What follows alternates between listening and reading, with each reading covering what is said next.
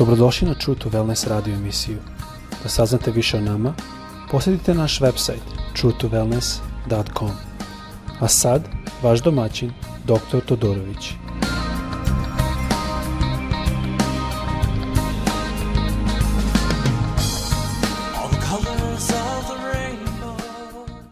Ljubazni dobar dan i dobrodošli na naš podcast. Ovo je sada drugi deo gde govorimo malo o šta to znači imati hrišćanski karakter? U prvom delu sam malo podelio moj put od, e, ja sam bio ateista, i ja sam u stvari, slično Ivanu Paninu, pronašao da Bog postoji ne kroz neku crkvu i neko učenje, nego kroz nauku. Zato što sam video da stvari u nauci su toliko komplikovani da to nije mogućno samo po sebi da je postalo.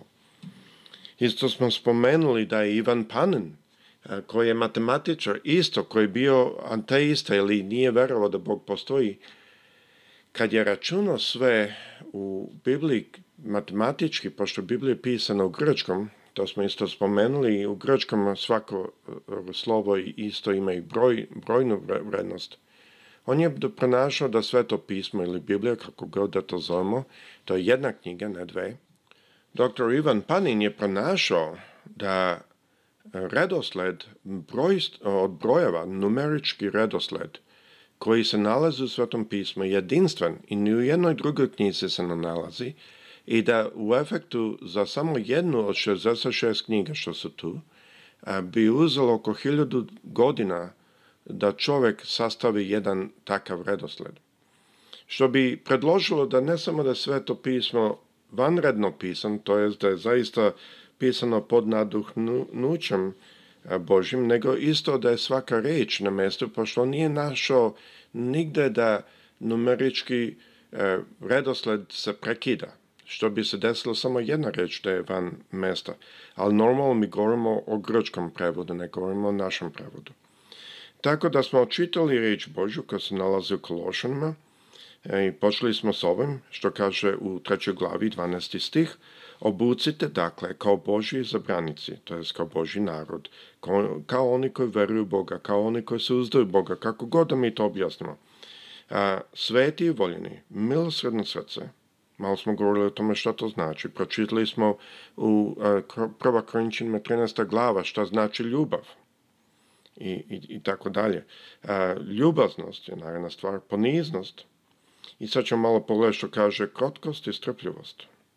Podnosite jedan drugog i opraštajte ako imate nešto jedan protiv drugog.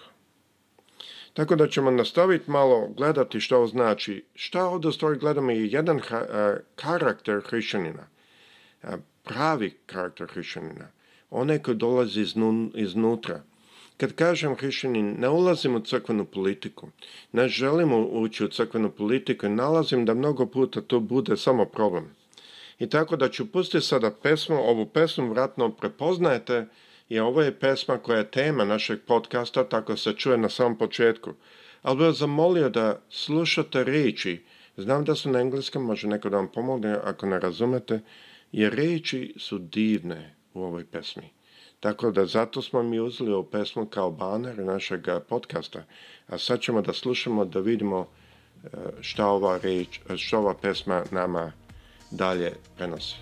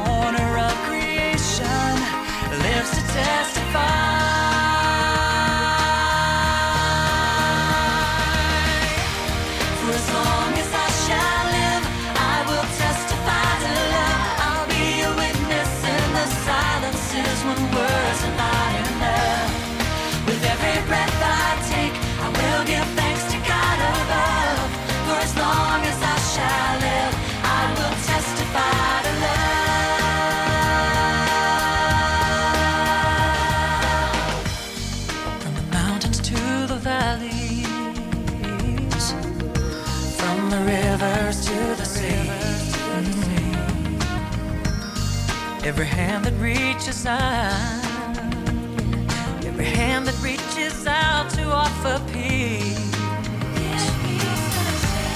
Every simple act of mercy, every step to kingdom come.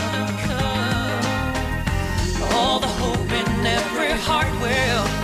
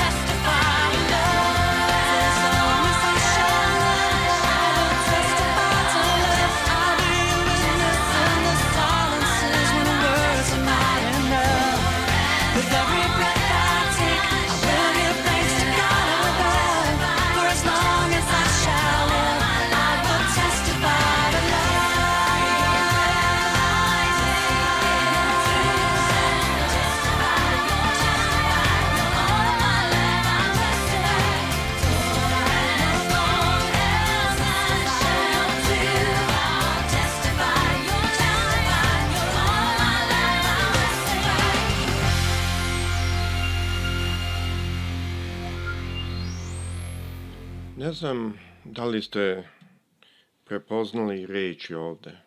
Pa sam mislio da je dobro da možda pročitam da bolje razumete reči. Evo što su reči, pa sam im prevao ovde. Sve dugine boje, svi glasovi vetra, svaki san koji dopire, to dopire da otkrije gde ljubav počinje. Svaka reč, svake priče, svaka zvezda na svakom nebu, Svaki kutak stvoranja živi da svedoči. Dokle god budem živ, svedočit ću o ljubavi. Biću svedok u tišini kada reči nisu dovoljne. Sa svakim dahom koji uzdahnem zahvalit ću se Bogu gore. Dok god živim, dok god budem živ, svedočit ću o ljubavi. Od planina do dolina, od reka do mora. Svaka ruka koja se ispruži, svaka ruka koja se pruži da, da ponudi mir – svaki jednostavni čin milosrđa, svaki korak od kraljevstva dolazi, da sva nada u svakom srcu će govoriti šta je ljubav učinila. I onda dalje nastavlja da govori kako svedoči o ljubavi, bit ću svedok u tišini, kada reči nisu dovoljne sa svakim dahom koji uzdahnem, zahvalit ću se Bogu gore, dok god sam budem živ, svedočit ću o ljubavi. Tako divne reči. Jer sada, to je upravo i tema ovde ovog stiha. Prošlom, prošloj epizodi smo malo govorili da kaže o buci, dakle, kao baži iz zabranici sve, sveti voljeni, milosredno srce, ljubaznost, poniznost. I završio sam s tim što sam pokazao da poniznost, mi znamo u nauci da poniznost dovodi do višeg intelekta Drugim rečima, ja mnogo puta kad vidim studente koji misle da sve znaju, ja već znam njihov IQ, ja već znam njihov intelekt, a mnogo puta vidim, pogotovo vidim ljude koji zaista su postigli znanje i kad pričate s njima videte poniznost. Sa tom poniznost dolazi krotost koja je naredna e, vrlina ovde. I onda kaže na, najzad strpljivost. Ovo je karakter jednog hrišćanina milosredno srce, ljubaznost, poniznost, da kažemo nežnost bi tu palo, krotost, strpljivost. Ne gurati se kako bolje znam ili koliko se bolje odlikujem ili mi svi pravimo greške, ne kažemo to, ali ovo je cilj da želimo biti. Naredni sti kaže ovako, podnosite jedan drugog i opraštajte ako imate nešto jedan protiv drugog ste zapazili ovde da ovde se ne radi o koliko novca se da u crkvu, ovde se ne radi o kako se mi podnosimo sa popovima ili sa pastorima. Ovde se radi jednostavno kako se ponašamo jedan s drugima. Valtom ne bi trebalo da nam je nova stvar. Ako pogledamo Mateju 25. glava, isto u Svetom pismu u Evanđelju, vidjet ćemo da je kaže ovako u 34. stihu E, Isus govori kako će biti na nebu, kako će doći do suda, kako će on gledati na, na dela oni koji dolaze pred njim. I ovako kaže, onda će car reći onima s desna, dođite vi blagoslovljeni mog oca i nasledite carstvo. Znači, oni blagoslovljeni od strane gospoda koje je za vas pripremljeno od postanka sveta. E sad, pazite ovo. Zašto? kaže u 35. stihu, narednom stihu, jer bio sam gladan i vi ste mi dali da jedem, žedan sam bio i vi ste me napojili, bio sam stranac i vi ste me ugostili, bio sam goj, vi ste me obukli, bio sam bolestan i vi ste me e, negovali, bio sam u tamnici i vi ste me posetili. Šta je ovde tema? Tema je da te god je bio ovaj, ova osoba, to se ne radi u stvari o Hristu, on kasnije objašnja, nego gde god smo mogli pomoći, ovi ljudi za koje je carstvo pripremljeno, oni su uvek bili spremni da pomognu. Bio sam gladan, vi ste mi dali da jedem, bio sam žedan, napojili ste mi, bio sam stranac. Zanimljivo, ovdje u Americi e, toliko hrišćana se bore da stranci ne dolaze. Što ovdje da kaže? Bio sam stranac. I vi ste me ugostili, ne izbacili. Bio sam gov, vi ste me bukli, bio sam bolesan, vi ste me negovali, u tamnici sam bio, vi ste me posetili. I tada će mu narnici kažu ovako, i tada će mu pravenici reći, gospode, kad smo te videli golog i nahranili te, i žednog i napojili te? Kad smo te vidjeli kao strance i gostili te, i golog i obukli te? Kad smo te vidjeli bolesnog ili u tamnici i posetili te? I car će im odgovoriti, istinu vam kažem, kad god ste učinili nešto za jednog od ovi moji najmanje braće, za mene ste učinili. Kad god učinimo to jedan drugom, to je isto kada smo to Isusu učinili. To je jako bitno.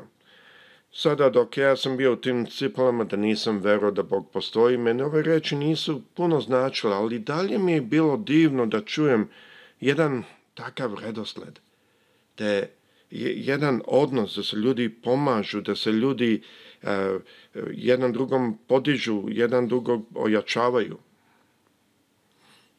Nažalost, mislim da danas se više radi o tome da e, više se nalazi jedan drugi da obaraju nego da podižu. Čak i u crkvama. I to je jako žalosno, ja bih rekao.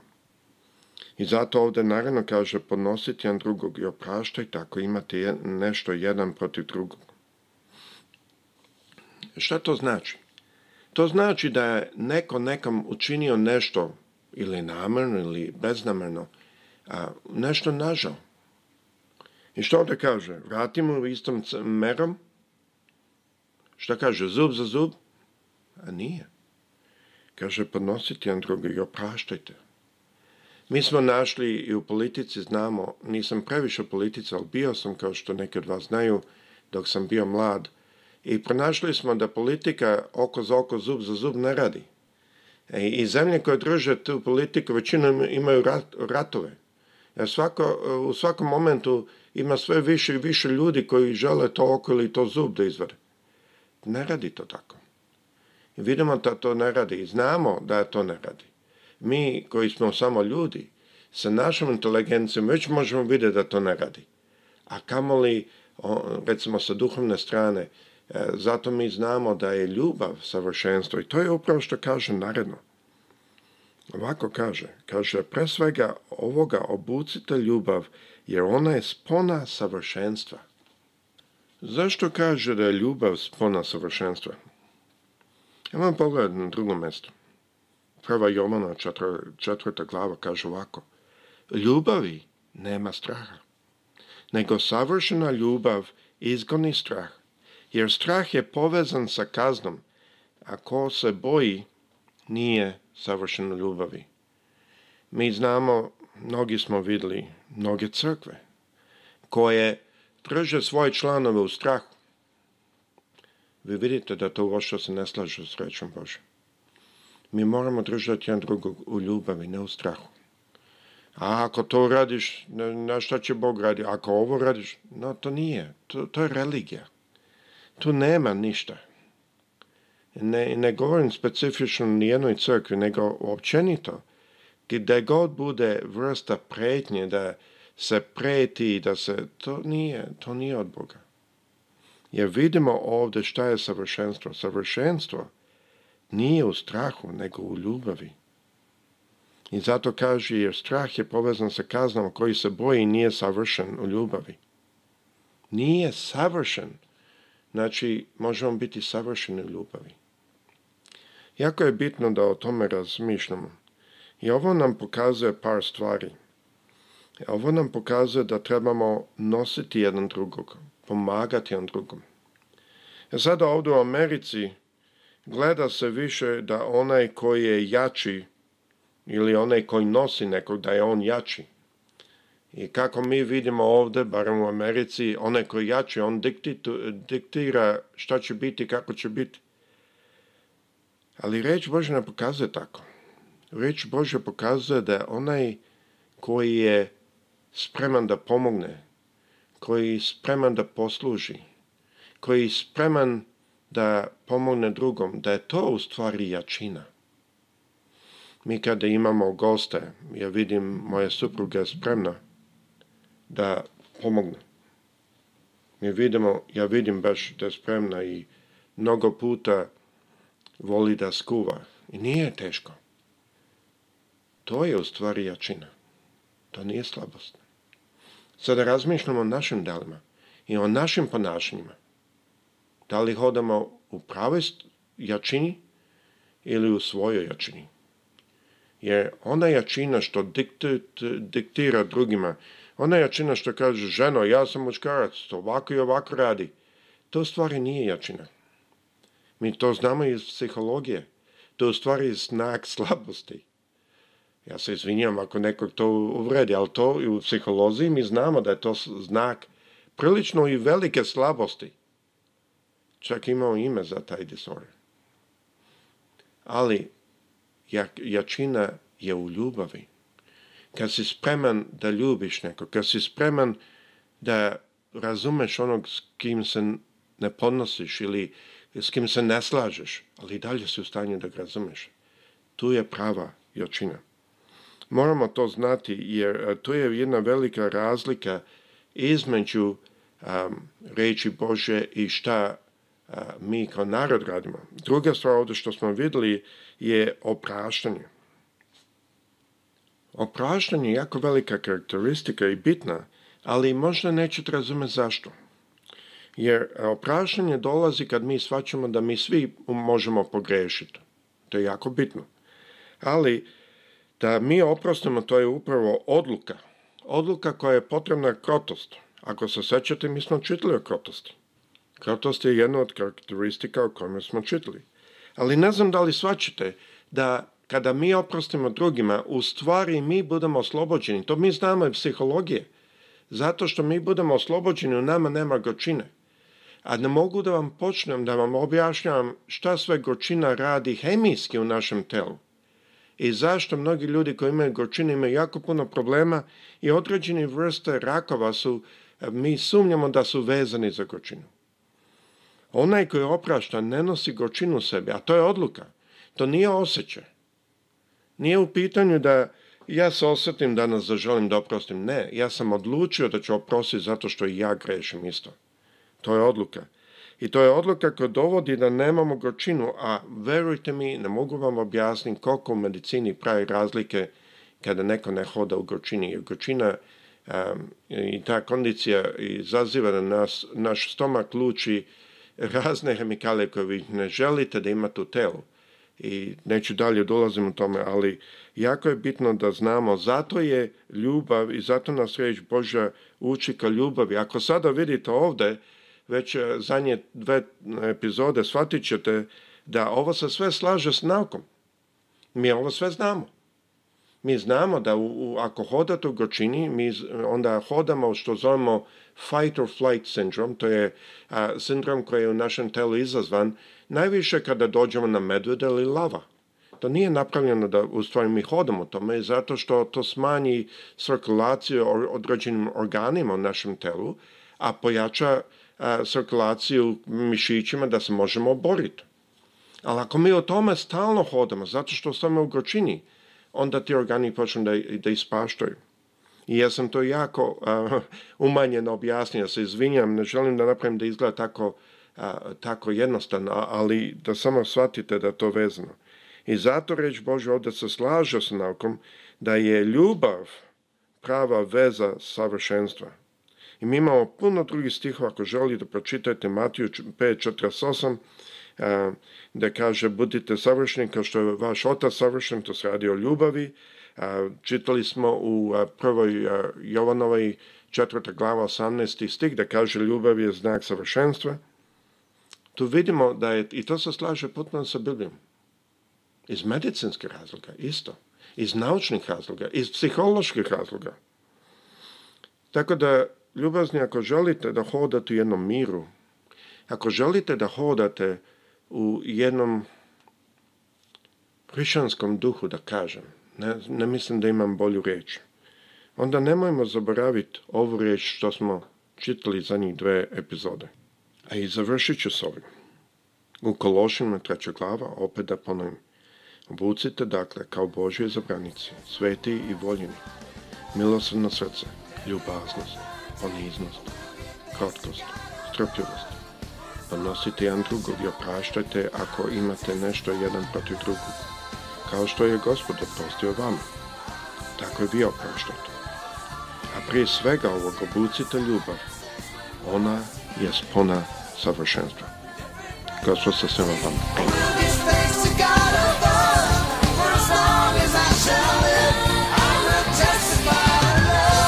Slušajte True to Wellness radio emisiju.